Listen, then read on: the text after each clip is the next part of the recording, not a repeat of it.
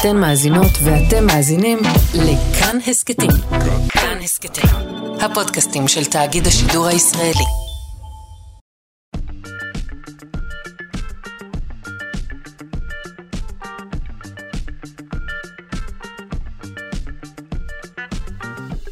שלושה שיודעים.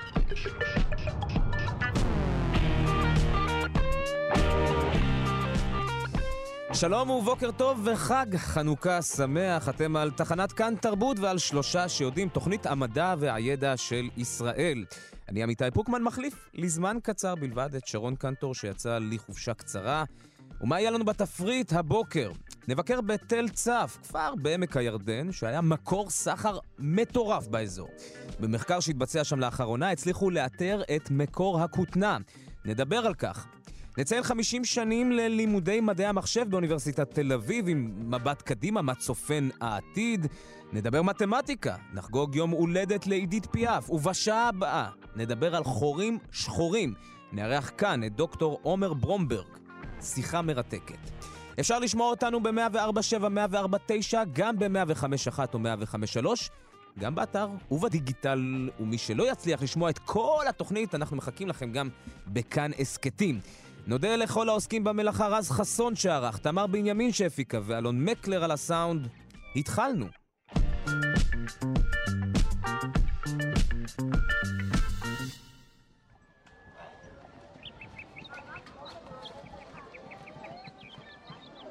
מאיפה הגיעה אלינו הכותנה? זו שאלה שנשאלה אה, כמה וכמה פעמים, וצוות חוקרים משותף לאוניברסיטת חיפה ואוניברסיטת סנפורד החליט לקחת את זה בשתי הידיים. פרופסור דני רוזנברג, ראש המעבדה לחקר כלי עיבוד מזון קדומים במכון זינמן לארכיאולוגיה באוניברסיטת חיפה, בוקר טוב לך. בוקר טוב, אמיתי. אז לשאלה הזו, שהיא מעניינת ומרתקת, אה, אה, אנחנו התכנסנו לבוקר, ואנחנו פותחים את הבוקר בכך. מאיפה הגיעה אלינו הכותנה? אז עד כמה שאנחנו מצליחים להבין מהמידע המועט יחסית שיש עד היום, אה, הכותנה שהגיעה לעמק הירדן לפחות, לאתר שאנחנו חופרים כבר כעשור, תל צף, הגיעה כנראה מאי שם בפקיסטן, בעמק ההינדוס. המידע אה, שאנחנו אוספים בשנים האחרונות, ובמיוחד המידע שהתפרסם זה עתה, הוא אה, בעצם מידע שמבוסס על סיבים.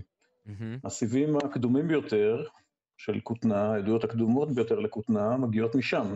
ומכיוון שאין לנו ש... עדויות אחרות, קדומות יותר, ההנחה שלנו היא שהמקור הוא אה, באמת מהאזור המרוחק הזה, מרוחק מאוד. שהיום הוא פקיסטן, אבל אז מה אז היה? מה, מה, איזו ממלכה הייתה אז שם? זה עוד לפני עידן הממלכות, אנחנו נמצאים בעולם הפרה-היסטורי, הוא אומנם פרה-היסטורי יחסית מאוחר, אנחנו עדיין בעולם פרה-היסטורי. יש, יש שם יישובים שהם שייכים לתוך העולמות של התקופות הנאוליתיות וה, ותקופות הברונזה אחר כך של האזור הזה. Mm-hmm. אבל אין להם שום קשר ישיר, אנחנו לא רואים שום קשר ישיר בממצא החומרי, למעט הקשר שאנחנו מראים עכשיו, אה, בין שני האזורים הבאמת אה, מרוחקים, אנחנו מדברים על אלפי קילומטרים. רגע, אני, אני מנסה להבין, בעצם ב, ב, באתר הזה, ב, ב, בעמק הירדן, שאתם מוצאים בדים, נכון? פרטי לבוש. שצורת הכותנה, שהחומר עצמו נמצא כאן ונמצא באותו אזור שם, מה שהיום אנחנו מכנים פקיסטן, ואז אנחנו משליכים את, את ההגעה של החומר הזה לכאן? למעשה תל צף, שהוא אתר מלפני כ-7,000 שנים, מרכז אה, אליו אה, הרבה מאוד ממצאים, גם ממקומות יחסית קרובים באזור שלנו, אבל גם ממקומות מאוד רחוקים. ולדוגמה, יש לנו את אה, פריט המתכת הקדום ביותר, שנמצא עד כה באזור שלנו, ואחד הקדומים בכלל, שמגיע כנראה מאנטוליה, או אולי אפילו מעבר לזה, מאזור ארמניה, אנחנו לא ממש יודעים עדיין. יש לנו הרבה מאוד חרוזים באתר הזה, שחלקם מגיעים ממצרים ואולי ממקומות מרוחקים יותר באפריקה, בירדן, וכמובן חרוזים שמקורם באנטוליה, עשויים מאובסידיאן, אותה זכוכית וולקנית. וואו, איזה... שנוצרת... מה כל כך מעניין כן. באתר הזה, שזה מושך אליו כל כך הרבה... או, זה רק חלק מהעניין, אנחנו לא ממש יודעים, אנחנו, אנחנו מבינים שלפני בערך 7,000, אולי 7,200 שנים, מגיעה קבוצה של uh, uh, מתיישבים לאזור הזה, הם מתיישבים בכמה אתרים, תל צף הוא האתר הנחקר ביותר והגדול ביותר, הם מתיישבים שם, פורחים, ממש פורחים במשך ש... כ-500 שנים וברגע אחד נעלמים. בתוך אותם 500 שנים, הם, הם מפתחים יישוב מאוד מאוד גדול, כפר למעשה מאוד מאוד גדול, כן. שכנראה בגלל היותו יושב על עמק השבר, על השבר הסורי-אפריקאי, שהוא בין אוטוסטרדה לאורך תקופות קדומות הרבה יותר ובוודאי מאוחרות הרבה יותר, הם בעצם מרכזים מסחר מאוד גדול, הם אוגרים מזון בכמויות מאוד גדולות. הכותנה שבעצם אנחנו מדברים עליה היום, היא רק אה, חלק קטן מתמונה הרבה הרבה יותר גדולה. היא מעניינת מאוד כי המקור שלה הוא כנראה מאוד רחוק. אנחנו לא פוגשים, אנחנו לא מוצאים למעשה בדים, זאת אומרת אנחנו לא רואים בדים, אלא מוצאים את הסיבים, סיבים מיקרוסקופיים בלבד. מהסיבים האלה אנחנו משליכים כבר על אותו קשר. זאת אומרת, היום אנחנו מסתכלים דרך המיקרוסקופ, לפעמים מיקרוסקופ אלקטרונים, ומנסים להשליך על דברים הרבה הרבה יותר גדולים. זאת אומרת, מתחילים מהקטן מאוד ומגיעים לתמונות, לתמונות ולשאלות הרבה יותר גדולות. אנחנו מצליחים להבין האם זה, זו הייתה סביבה, או שזה היה כפר יצרני, או שכפר אה, של סוחרים, שבעצם הצליחו ללכד אצלם אה, פריטים מכל העולם, ובעצם היה איזשהו מין מרכז סחר כזה של האזור. אנחנו חושבים שהוא היה מרכז סחר אזורי, אה, אפילו למעלה מהאזורי, כי באמת, כמו שהדגמתי קודם, בעצם אנחנו רואים אה, עדויות למסחר בהיקפים יחסית גדולים, מרחקים מאוד גדולים, אבל הם היו יצרנים, הם היו חקלאים, ואחד הדברים המעניינים ביותר שקורים באתר, שמתרחשים באתר הזה, בערך לפני 7,000 שנה, שאנחנו פתאום רואים הגירה של מזון בהיקפים מאוד מאוד גדולים. הם אוגרים הרבה מאוד מזון, כלומר הם יכולים גם לייצר הרבה מאוד מזון. אני מזכיר, אנחנו נמצאים בעמק הירדן, מאוד מאוד חם, מצד שני יש הרבה מאוד מים, עמק המעיינות, אנחנו נמצאים דרומית, דרומית מזרחית לבית שאן, כן. לא רחוק מקיבוץ טירת צבי, על הירדן ממש, האתר משתפל לו ככה באיטיות אל המים של הירדן היום לפחות, ואזור כזאת, סביבה כזאת היא מעודדת חקלאות, אה, תיעדנו גם גידול של אה, זיתים, יש לנו כמויות אדירות של חומרים אורגניים בכלל וזרעים למיניהם שהם בעצם חלק גדול ממוקד המחקר שלנו. בהקשר של הדיאטה הים תיכונית, אנחנו עוסקים בזה כבר אה, די הרבה שנים, מנסים להבין את ההתבססות של אותה דיאטה ים תיכונית, אנחנו חושבים שענייני הסחר, הכותנה, אולי המותכת, החרוזים הרבים, אנחנו מדברים על אלפי חרוזים באתר הזה, יכול להיות שכל אלה שייכים בעצם להיותו של תל צף, יישוב מאוד משגשג. מי, מי היו שם? ו... מי ישבו שם? אנחנו לא יודעים. עד עכשיו נמצאו אה, חמש קבורות בסך הכל מהתקופה הזאת באתר, אה, שכוללות בעצם אה, שני, שני בוגרים ועוד אה, שלושה פרטים צעירים, כולל תינוקות.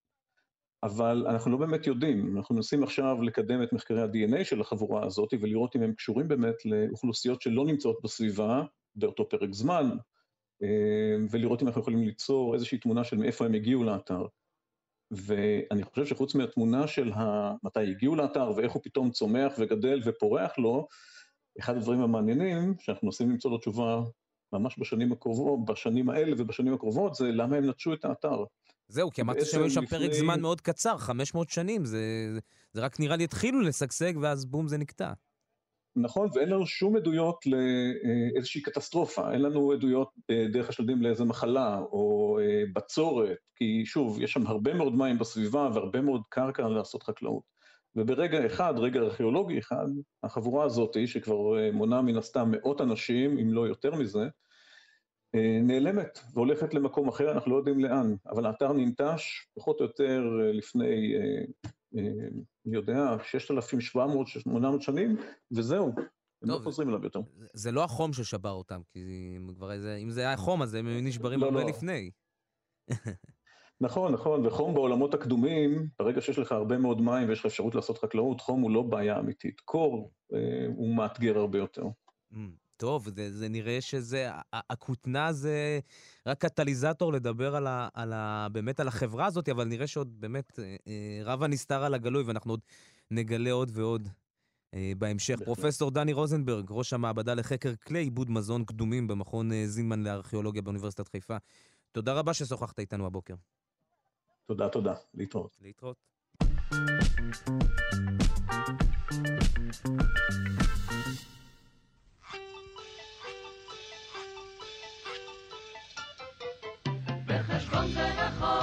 אפשר לרפרף. בחשבון זה נכון, אי אפשר לצפצף. בחשבון זה נכון, אי אפשר לזייף. אך מי אמר שבחשבון אי אפשר לקיים? פינת המתמטיקה שלנו כעת, אה, עם מיכאל גורדין ממכון דוידסון, הזרוע החינוכית של מכון ויצמן למדע. בוקר טוב לך. בוקר טוב.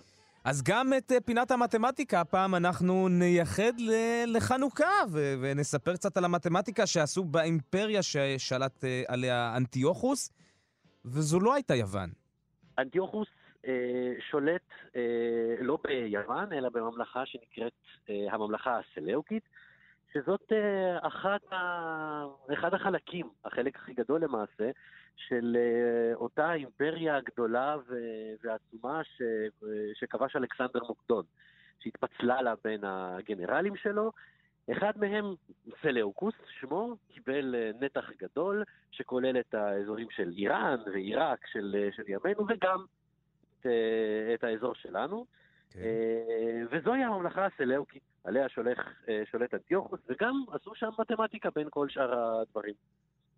כל כך הרבה דברים עשו, אה, ארכ... אה, ארכיטקטורה ואומנות, ומה עשו במתמטיקה? אז זהו, מבין כל הממלכות שהתפצלו בשטחים של אלכסנדר מוקדון, קשה להגיד שהממלכה הסלאוקית התבלטה ביכולת מדעית או מתמטית יוצאת דופן. הידע הגדול היה מרוכז יותר באזור של מצרים, בעיר אלכסנדריה, עם הספרייה הענקית שבנו שם.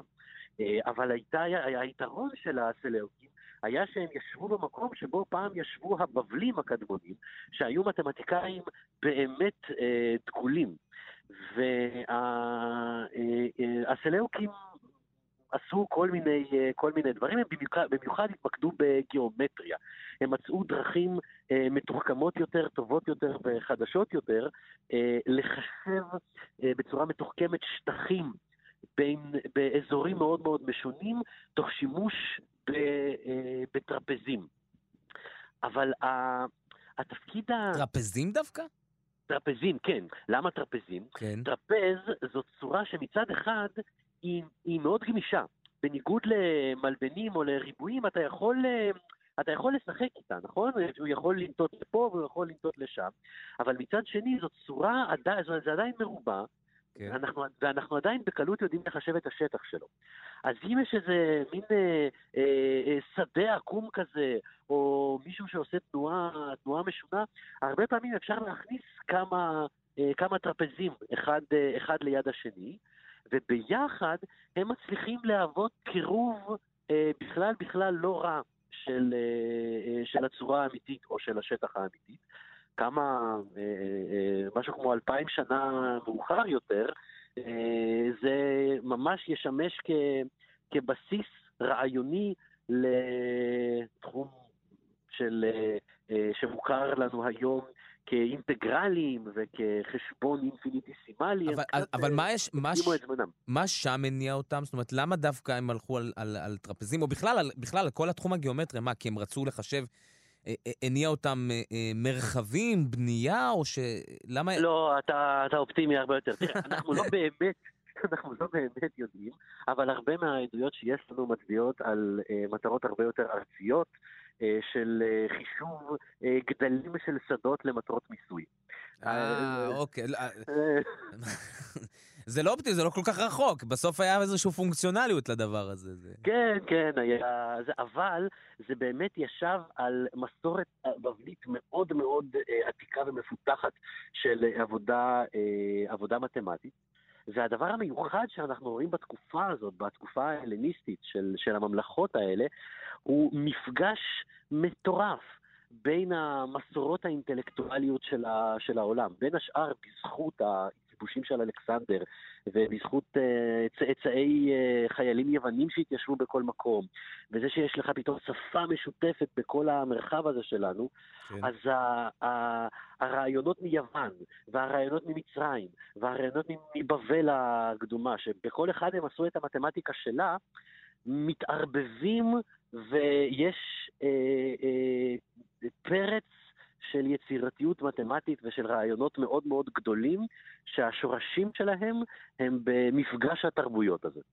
עכשיו, מתוך כל ה- הידע וכל הפרץ הזה, יש איזה שהם ש- דברים שאנחנו עד היום, חוקים, אה, משוואות, או כל מיני דברים שעד היום אנחנו יכולים להגיד, וואו, זה משם, זה, זה, זה קרוי על שם. לא, אה, אז לא, לא, לא, מה, לא מהתקופה הסלאוקית, כמו שאמרתי, הממלכה של אנטיוכוס לא, לא הייתה מהמצטיינים בתחום הזה.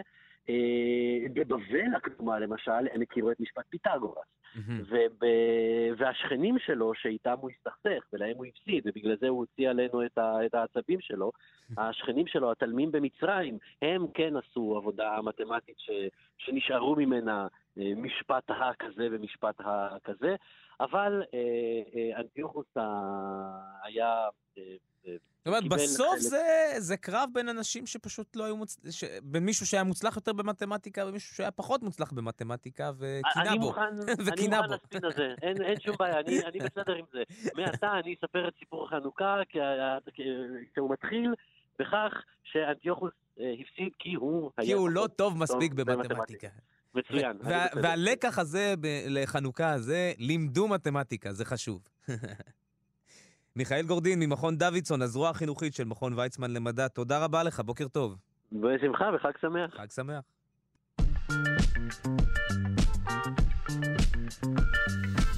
עכשיו נשאל איך גן חשוך, לא גן סגור, גן חשוך משפיע על קוצר ראייה בקרב ילדים, או במילים אחרות, האם העוצמה של התאורה בגן של הילדים שלכם יכולה להשפיע על הראייה שלהם?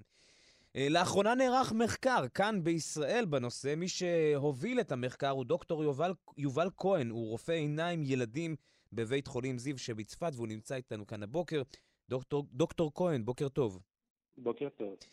אז זה נורא מעניין, קודם כל, לשאול אה, איפה ביצעתם את זה? באיזה גני ילדים? וקצת אולי תסביר לנו באמת על המחקר ועל, ה... ועל מה מצאתם בו.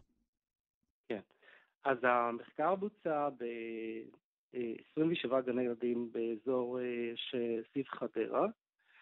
אה, המחקר הזה הוא מחקר שהמטרה שלו הייתה לבדוק האם הסביבה אה, בגן הילדים משפיעה על העיניים, שזה זמן מאוד מאוד חשוב להתפתחות העיניים, וחשבנו שהגן שהוא בעצם זמן, רוב הזמן הילדים מבטלים את השעות שלהם בגן, אנחנו בעצם נרצה לדעת אה, אם יש איזושהי השפעה על התאורה, אה, על ההתפתחות של הראייה שלהם.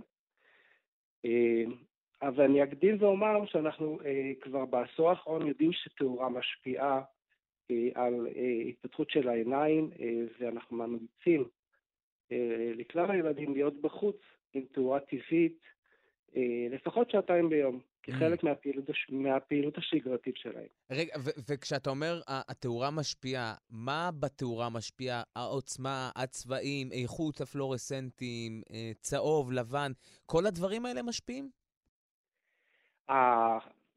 הדבר החשוב ביותר היא העוצמה.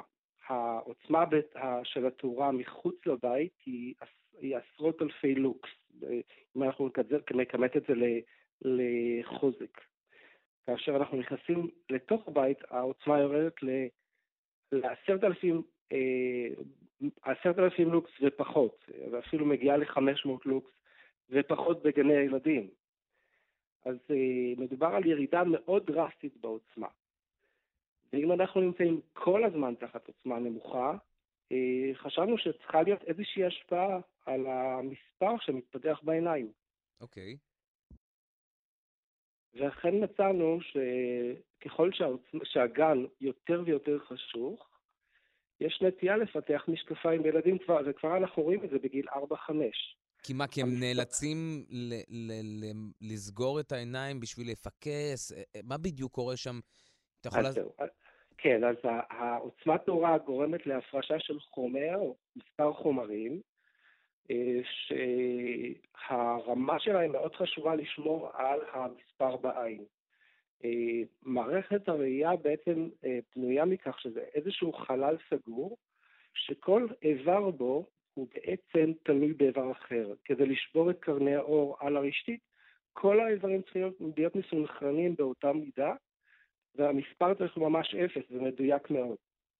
והם יוצרים את הנושא הזה באיזושהי קואורדינציה אה, מאוד מאוד מיוחדת, אה, ומה ששומר על אותה קואורדינציה זה חומרים מסוימים. והאור עצמו גורם לכך שהחומרים האלה הוא בריכוז הנכון, ותקופת הגדילה היא בעצם התקופה הקריטית הזאת, שכל האיברים האלה גדלים, העדשה, הקרנית, mm-hmm. כך שקרני האור יישבו ממש במרכז הראייה על הרשתית. ברגע שהעוצמה יורדת, אין סינכרון בין הגדילה של הקרנית לעדשה ולגודל עין, ואז יש איזושהי בעיה להתפתחות, להתפתחות של משקפיים. מה, מה בכלל הוביל אתכם למחקר הזה, ואני שואל אם בנוסף לזה באיזה סוגריים, האם גם ישראל היא מקרה בוחן מיוחד, או שאפשר ללמוד על זה בכל העולם? אז אה, אני עשיתי את עבודת ה-PhD שלי באוניברסיטת תל אביב בנושא של משקפיים, אה, ואני מצאתי את הקשר בין עוצמת התאורה להתפתחות של הראייה אה, בבעלי חיים. כאשר המחקרים האלה פורסמו בשנות, בתחילת שנות האלפיים, כן. והיה מאוד קשה באמת לבדוק את הנושא בבני אדם, היות שאנחנו לא יכולים באמת להשאיר אנשים בעוצמה בצורה מסוימת, אנשים שונים בעצם, אנחנו לא יכולים לקבע עוצמה בצורה כזו. וגם לילדים זו איזשהו מודל, כי רוב הזמן הם נמצאים בגן. מ-7 בבוקר עד 3-4 אחר הצהריים וכבר אחר כך הם כבר בבית. אז רוב הזמן הם נמצאים באותה עוצמת תאורה. ואם כך, אז בעצם, אה, אם אנחנו בעצם רואים שיש השפעה של עוצמת תאורה על בני אדם גם, במקרה הזה, אז אה, ואנחנו יכולים לווסת גם עוצמת תאורה, אולי באמת אה, אנחנו יכולים להשפיע על עוצמת התאורה בגן ולמנוע על ידי כך התפתחות של משקפיים. אני רוצה לשאול אותך לסיום, זה משהו שנעצר בגיל מסוים, או שאני אני אשתף ברמה האישית, לי יש תאורה מאוד uh, מועטה בבית, ועד עכשיו הייתי בטוח שזה לא מזיק לי. ועכשיו אני כבר חושש, אולי אני צריך להוסיף עוד מנורות. אני אוהב שחשוך. כן, אז אה, אני חושב שסך הכל, אם אנחנו יכולים אה, באמת אה, להסתכל על הדברים בצורה כזאת, שאם אנחנו נמצאים לפחות שעתיים ביום בחוץ, אנחנו מקבלים את ה... או משפיעים על העין בצורה כזאת, שעוצמת אותם חומרים נמצאים, נמצא בריכוז יחסית טוב, וזה לא, יג... לא, לא, לא תהיה התפתחות של משקפיים, אה, אבל אם רוב הזמן אנחנו נמצאים בעוצמת תאורה נמוכה אה, ולא נחשפים אה, לתאורה בחוץ עם עוצמה גבוהה, אז אנחנו בעצם מהווים, גורמים לכך שאולי יהיה איזשהו גורם סיכון כן לפתח משקפיים, ולכן... גם בגיל מבוגר. זאת אומרת, זה לא נעצר. בגיל המבוגר, זה, בדרך כלל זה מקובע, הייתי אומר, מעל גיל 18-20, כן. אה, אולי קצת אחרי. אה, אבל, אה, אבל לפני כן הייתי ממליץ גם להעלות את העוצמה בבית, אנחנו עדיין צריכים לבדוק מהי העוצמה האופטימלית. איפה נכנסים, אגב, המסקים? איפה, איך הם משתלבים בתוך התאורה ועוצמה ומרחק, או שזה דבר אחר נפרד ואין בכלל לערבב שמחה בשמחה. אה, אז אה, נושא של המסכים, אה, יש שני דברים. הדבר הראשון זה בעצם המאמץ מקרוב, וזה המסכים, והדבר הנוסף זה התאורה. וזה כמובן מול המסך אנחנו בעצם לא מקבלים שום אור, העוצמה היא מאוד מאוד נמוכה, ההחזר אור מהמסך הוא, הוא כמעט אפס, ואז הוויסות הזה שוב כנראה קשור גם לזה. דוקטור יובל כהן, רופא עיניים ילדים בבית חולים זיו שבצפת, מי שהוביל את המחקר שעליו אה, דיברנו. מרתק מאוד. תודה רבה לך על השיחה הזו. בוקר טוב. תודה רבה.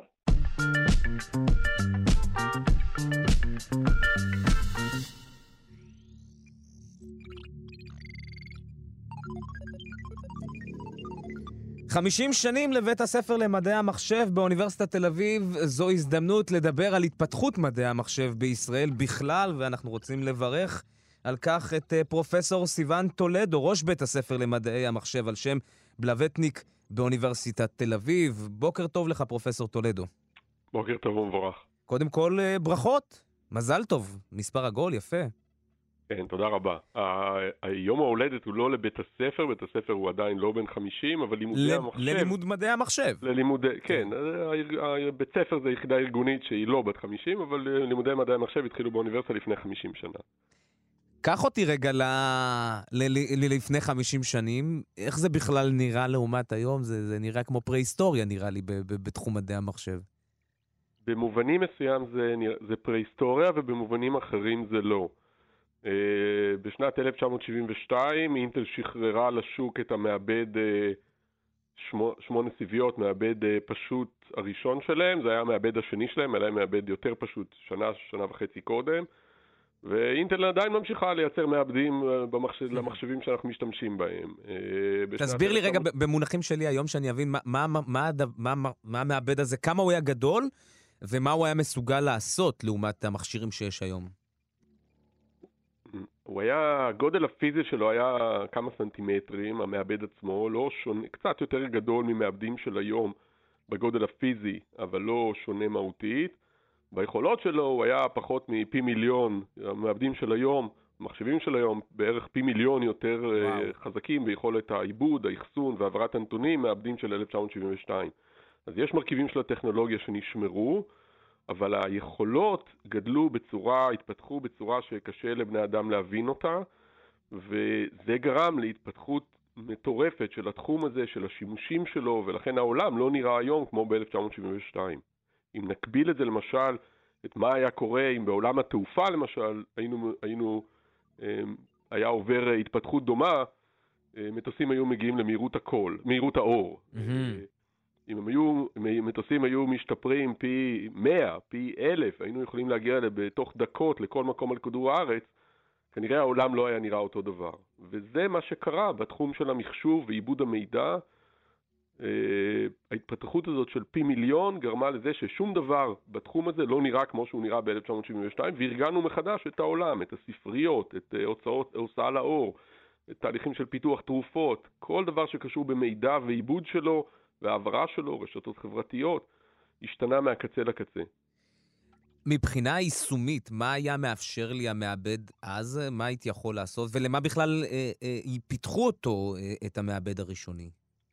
אנחנו עדיין משתמשים במעבדים די דומים, אה, מעבדים שיש בתוך אה, שלט רחוק אה, של טלוויזיה יהיו מעבדים דומים, ופיתחו אותו מעשית, אני חושב, בעיקר למחשבונים, מכונות חישוב, מחשבונים כמו שאנחנו משתמשים, כמו שמשתמשים בהם בבגרות, והיו לו יכולות מועילות מאוד.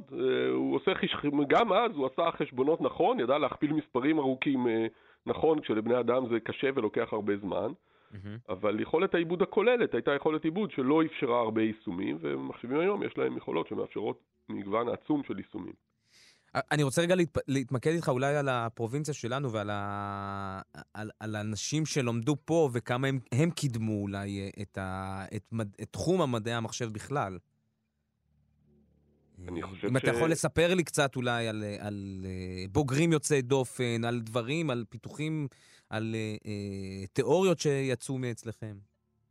יש לנו אה, בהחלט אה, בוגרים משמעותיים ויוצאי דופן, יש אה, עשרות או מאות שהקימו אה, חברות, שמנהלים חברות. אה, עולם פיתוח האלגוריתמים, פיתוח התוכנה, שינה את הכלכלה הישראלית. הבוגרים שלנו הם חלק מאוד חשוב מזה, חלק גדול מזה הוא מתבצע באזור המרכז. אה, יש לנו בוגרים, כמו שאמרתי, שהקימו חברות, אה,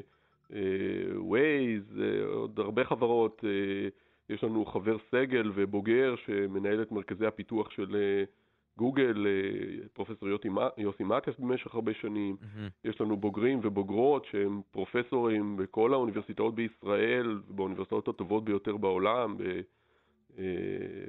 ב-ETH בציריך, בברקלי, בכל האוניברסיטאות. אה, וכשאנחנו... תרמו תרומה עצומה, יש לנו אה, חבר סגל שכיהן באוניברסיטה בשנות ה-70, הוא היה בין המקימים של אה, תחום מדעי המחשב באוניברסיטה, כן. שקיבל פרס טיורינג על מאמר, על עבודה שהוא, בעיקר עבודה שהוא, מאמר אחד שהוא כתב בשנים שהוא כיהן כחבר סגל, פרופסור אמיר, שמואלי, זיכרונו, אמיר פנואלי, זיכרונו לברכה. לאן מסתכלים מסתכלים קדימה, לאן הולכים? לאן התחום הזה הולך? מה, מה עוד אה, זה נראה כמו תחום ש... כמו שאמרת, קופץ בפי מיליונים. איך אנחנו יכולים להיערך לקראת השנים הבאות, והפיתוחים, והטכנולוגיה, והאם אנחנו קרובים לקצה של הטכנולוגיה? אה, קשה לנו מאוד לדעת. קשה לדעת מה, מה צופן בחובו העתיד ומה, ומה נמצא מעבר לפינה. אנחנו רואים שכיום הטכנולוגיה של למידה חישובית, אינטליגנציה מלאכותית, הבשילה או מבשילה. אה, יש לה הישגים שרואים אותם בעיתונות, אה, הישגים מדהימים, ChatGPT, deep fakes, זה, זה חלק, חלק, קצה הקרחון שרואים אותו בתקשורת, בתקשורת הציבורית. הטכנולוגיה הזאת הבשילה, ובשנים הבאות, בעשור הבא, אולי קצת יותר, היא, היא, היא תגיע להשפעה דרמטית, שוב, כמו המחשבים עצמם, על הרבה תחומים בחיים. אינטליגנציה מלאכותית ולמידה חישובית תיכנס להמון המון תחומים ותסייע לשפר אותם, אבל זה לא הטכנולוגיה העתידית, זו טכנולוגיה עכשווית, קיימת, שתקבל המון המון יישומים. מה קורה בעתיד זה מאוד קשה לדעת. ההתפתחות של 50 השנה האחרונות, העובדה שזה מחשבים התחזקו בפי מיליון או יותר, הייתה מבוססת על, פיתוח, על, על שיפור בטכנולוגיה הבסיסית של, של מעבדים. אה, שיפור שנקרא חוק מור בכללותו, והיה פעיל כל החמישים או כמעט כל החמישים שנה האחרונות, ויש אה, קונסנזוס פחות או יותר שההתפתחות הזאת בצורה שלה נעצרת בגלל שהיא הגיעה לגבול הפיזי שלה פחות או יותר. זה קצת קשה לדעת, יש uh, חברות ואנשים, uh, חוקרים, חוקרות, שמנסים בכל הכוח להמשיך את, ה, את ההתפתחות הזאת, כי יש בזה ערך כלכלי עצום אם יצליחו עדיין לייצר מחשבים שהם עוד הרבה יותר מהירים מהיום, וואו. אבל הפיזיקה בסוף uh, מגיעה לקצה. Uh, הגענו למצב שבו ה... היחידות העיבוד הבסיסיות הן בגודל של מספר לא מאוד גדול של מולקולות, וזה ייעצר. טוב, זה, זה כותרת. אנחנו, אנחנו הגענו כמעט לקצה, אבל אנחנו ממשיכים לעבוד על ה... אה, בעיקר על האינטליגנציה המלאכותית. פרופסור סיון טולדו, שוב, ברכות. אה, ראש בית הספר למדעי המחשב על שם אה, בלווטניק. בלווטניק, תודה רבה, אמיתי. תודה רבה לך, בוקר טוב.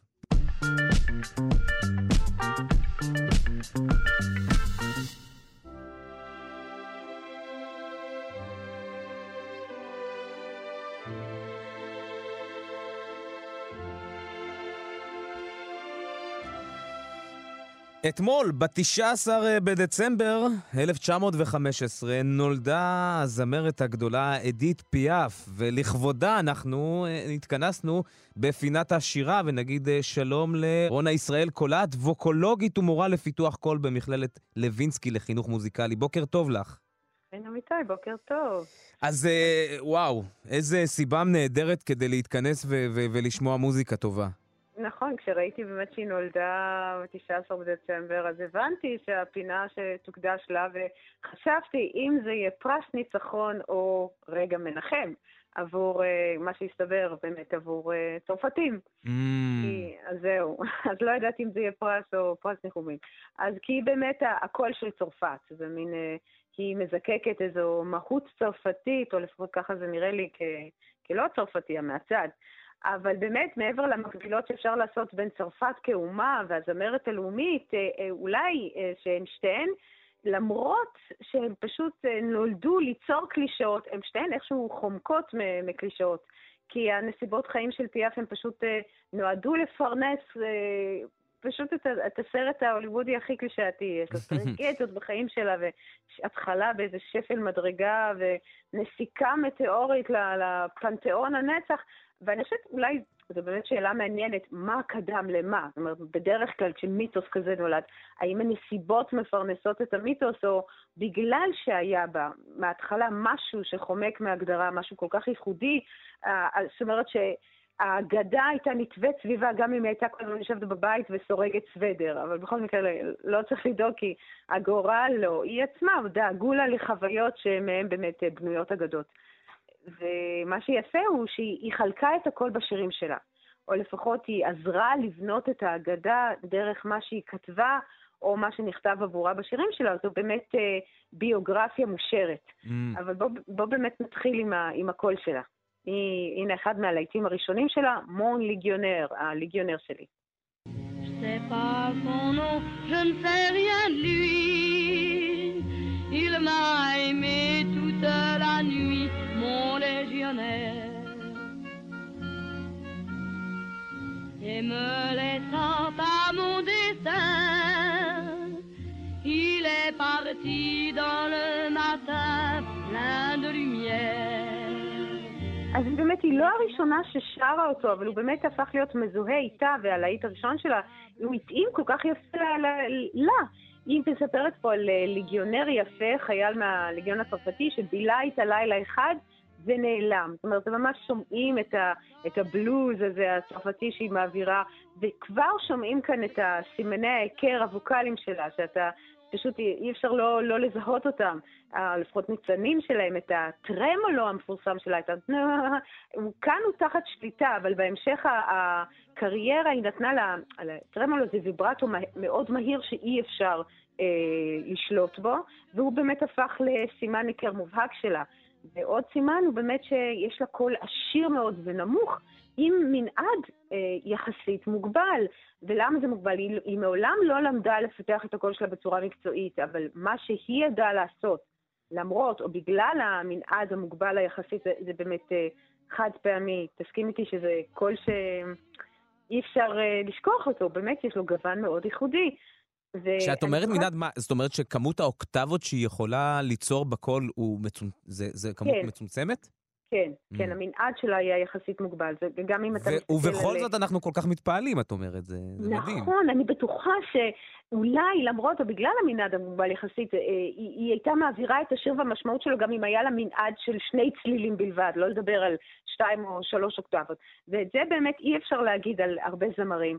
והיא היא, היא, למעשה יצרה ז'אנר, היא האימא של השנסונרים של המאה ה-20, היא יותר מדרך אחת. היא, היא זו שבאמת הראתה שאפשר לעשות קריירה מוזיקלית עם, עם סיפור, עם, עם קול ייחודי, מספיק אה, הסיפור והצבע הייחודי, כי בתחילת המאה ה-20 יש חלוקה מאוד ברורה בין הזמרים שהם מספרי סיפורים או, או זמרי אופי, שהקול שלהם הוא לא בהכרח אה, מאומן או, או יפה אפילו, לעומת הזמרים שהקול שלהם כן מאומן או מרשים יותר, וגם היום החלוקה היא יותר מטושטשת, אה, הרבה בזכותה.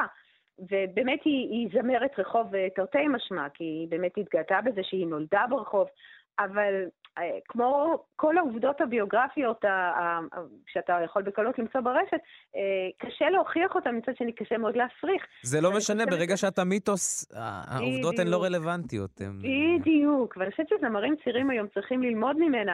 אם הם רוצים להפוך למיתוס ולאגדות, הם צריכים למחוק תיעודים ברשת. תחשוב שהיום יהיה הרבה יותר קל אה, להוכיח, או, או להפך, להפריך את כל העובדות שאנחנו רוצים לספר, אז מהר למחוק את הכל. ובאמת אה, היו לה הרבה עובדות כאלה. אני לא, אני לא חושבת שיש לנו זמן לכל העובדות העסיסיות האלה, אפשר גם לקרוא אותן בקלות ברשת, את הגרסאות שלהן. אה, היא נולדה באמת ב-1915, היום היא הייתה אמורה להיות, אתמול, בת 107. אה, אימא שלה הייתה בת 17 כשילדה אותה, אבא זמר רחוב, אימא, לוליאן רחוב, אימא אומנית רחוב, והם באמת לא כל כך טיפלו בה, והאבא שהיה קצת יותר אחראי, אז הוא מסר אותה לאימא שלו, שניהלה בית בושת. וכבר מהשורות האלה אפשר להבין... זה ממש צרפת בזעיר אנפין. כאילו, ממש, ממש כל צרפת אה, בחמש דקות של סיפור, גם הליגיונר, מה שהבאת, וגם אה, אה, הבית בושת והלוליינות, הכל זה, זה, זה, זה צרפת, כאילו. זה... ממש אפשר לתאר את התמונה, אתה אומר, אתה רואה את התמונה מול העיניים, בפריז כמובן. אבל באמת, מהשורות האלה אתה כבר יכול להבין למה החוק, או המוסר, או המעוגנות החברתית, הם פשוט לא שיחקו את התפקיד, ובאמת, כשהיא נפטרה, אז הכנסייה הקתולית סרבה לערוך למיסה, בגלל מה שאורח החיים הלא מוסרי שלה, אבל זה לא הפריע להמונים, כי הם היו כנראה איתה בדעה ש...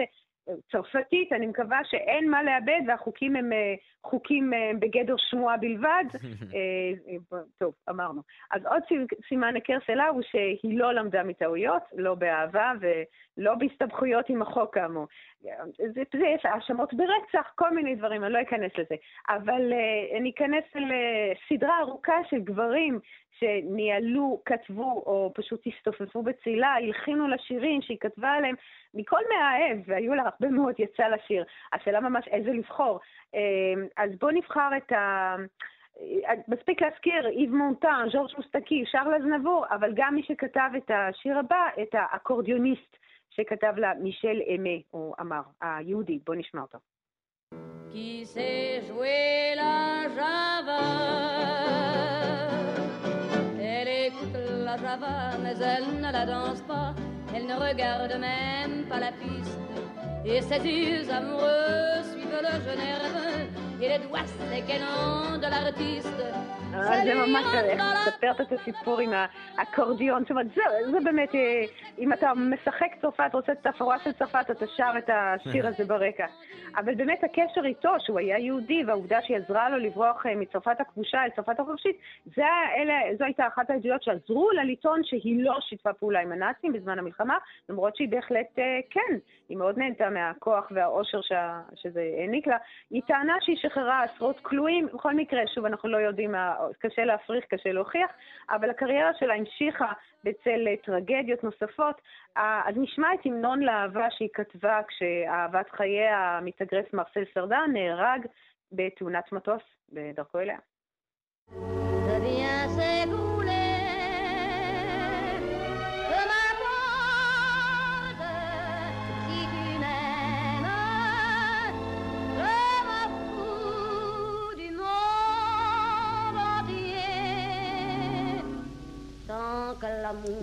זה נשמע שהיא גם יודעה לנצל את ההתפתחות הטכנולוגית להבלטת הקול שלה. זאת אומרת, הקול הוא כל פעם, ככל שאנחנו מתקדמים בשנים, שומעים טוב יותר אותה, ושומעים ברור יותר את, את, את, ה, את המיוחדות בקול. אני חושבת שהיא ידעה לנצל כל דבר בשביל... היא, היא פשוט נראית בחורה שלא יודעת אם היא ידעה. בחורה שידעה לנצל. היא ידעה לעשות, מכל מה שנחת עליה, ידעה לעשות לימונדה, אבל הקול הזה הוא באמת, יש בו משהו, אתה, כביכול זה הפוך על הפוך, אתה לא אמור לאהוב את ה... את ה את הצבע הזה, את הוויברטו המאוד מהיר הזה, זה כביכול משהו שהוא לא נחשב אה, מקצועי. לא, אבל זה לכלוך יפה, יפה זה לכלוך אה, מרגש, זה לכלוך שנכנס כזה בין הוורידים. תיארת את זה יפה, נכון. אז אם יש זמן לפני סיום, אם לא נסיים איתו, יש לנו זמן לשני שירים. יש, בטח, בשביל עידית לא יהיה. אוקיי, אז נשמע את הדואט שהיא הקליטה עם בין הטיפוחים האחרון שלה, הזמר והשחקן תאו סראפו, שהיה הצעיר ממנה ב-20 שנה, שחקן וספר לשעבר, שאיתו היא גם התחתנה, והיא השאירה אותו אלמן כשהיא נפטרה אחרי שנתיים, בת 47. אז נשמע את אקוואסה סר למור, מה הטעם באהבה, ששוב כתב אותו מישל אמה, מי שכבר. À quoi ça sert l'amour? On raconte toujours des histoires insensées. À quoi ça sert d'aimer? L'amour ne s'explique pas, c'est une chose comme ça qui vient on ne sait d'où et vous prend tout à coup. אז האם הוא באמת התאהב בה, או בתהילה שלה, והאם זה באמת משנה? היא הראתה, אתה יודע, בתמונות, היא נראית ממש כמו סבתא שלו. אבל זה שוב, אני חושבת, מראה שלא רק שחוקי המדינה והמוסר לא עניינו אותה, גם חוקי הטבע לא עניינו אותה. היא הייתה מלכה מההתחלה עד הסוף. מעבר לזה, מעבר לכל החוקים. אז בואו נסיים עם השיר שלי. זהו, כשאומרים, יש רק שיר אחד שהוא מעל כולם, לדעתי לפחות. אולי אני טועה, אבל... אז בוא נראה אם באמת אם אתה חושב שזה מה שהיא חשבה, מה שהיא קראה לו, השיר של חייה. מה ש... לא מצטערת על כלום, זה ה... בדיוק, נו ז'נה רגריה, לא מתחרט על כלום, והיא שר אותו בהופעות האחרונות שלה בעולם האולימפיה, אבל בזמן שצרפת הייתה מעורבת במלחמת אלג'יר, ושוב, כאן האישי מתחבר חזרה ללאומי, כשהשיר הזה הוא הפך להמנון של ליגיון הזרים הצרפתי, והם שרים אותו עד היום, אז בוא נשמע. אנחנו כבר נשמע אותו, רק ניפרד ממך לפני כדי שנשמע אותו עד הסוף, ככה, בצורה יפה. אז רונה ישראל קולט, ווקולוגית ומורה לפיתוח קול במכללת לוינסקי לחינוך מוזיקלי, תודה רבה. והיה פינה נהדרת לזכר עידית פי.אף. תודה.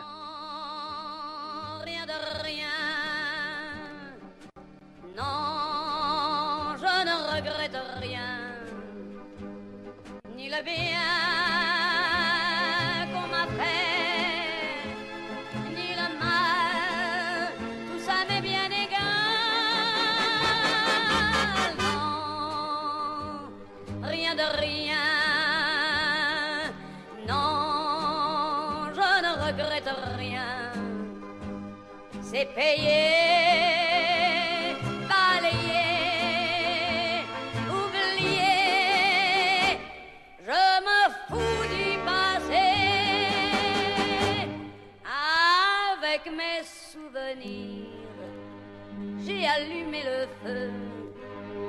Chagrins, mes plaisirs.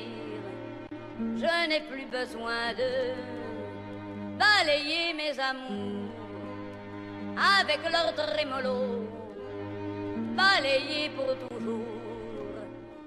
Je repars à zéro. Non,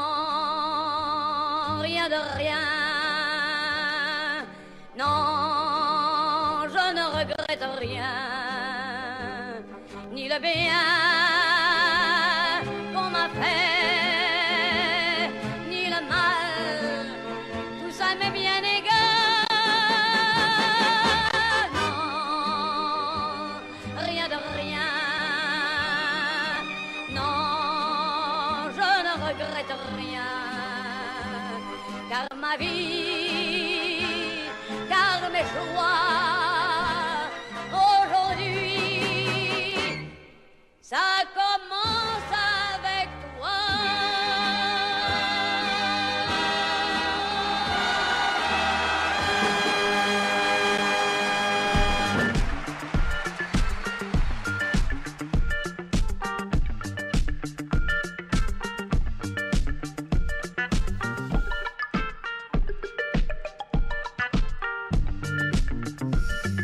כאן השעה הראשונה של שלושה שיודעים. ביקרנו בתל צף, אה, ציינו 50 שנה ללימודי מדעי המחשב, גם אמרנו מזל טוב לעידית פיאף. בשעה הבאה נדבר על חורים שחורים. נארח כאן את דוקטור עומר ברומברג לטוב, לטובת זה. נודה לכל העוסקים במלאכה, רז חסון שערך, תמר בנימין שהפיקה, אלון מקלר על הסאונד, אני עמיתי פוקמן מחכה לכם אחרי הפרסומות החדשות. תכף נשתמע.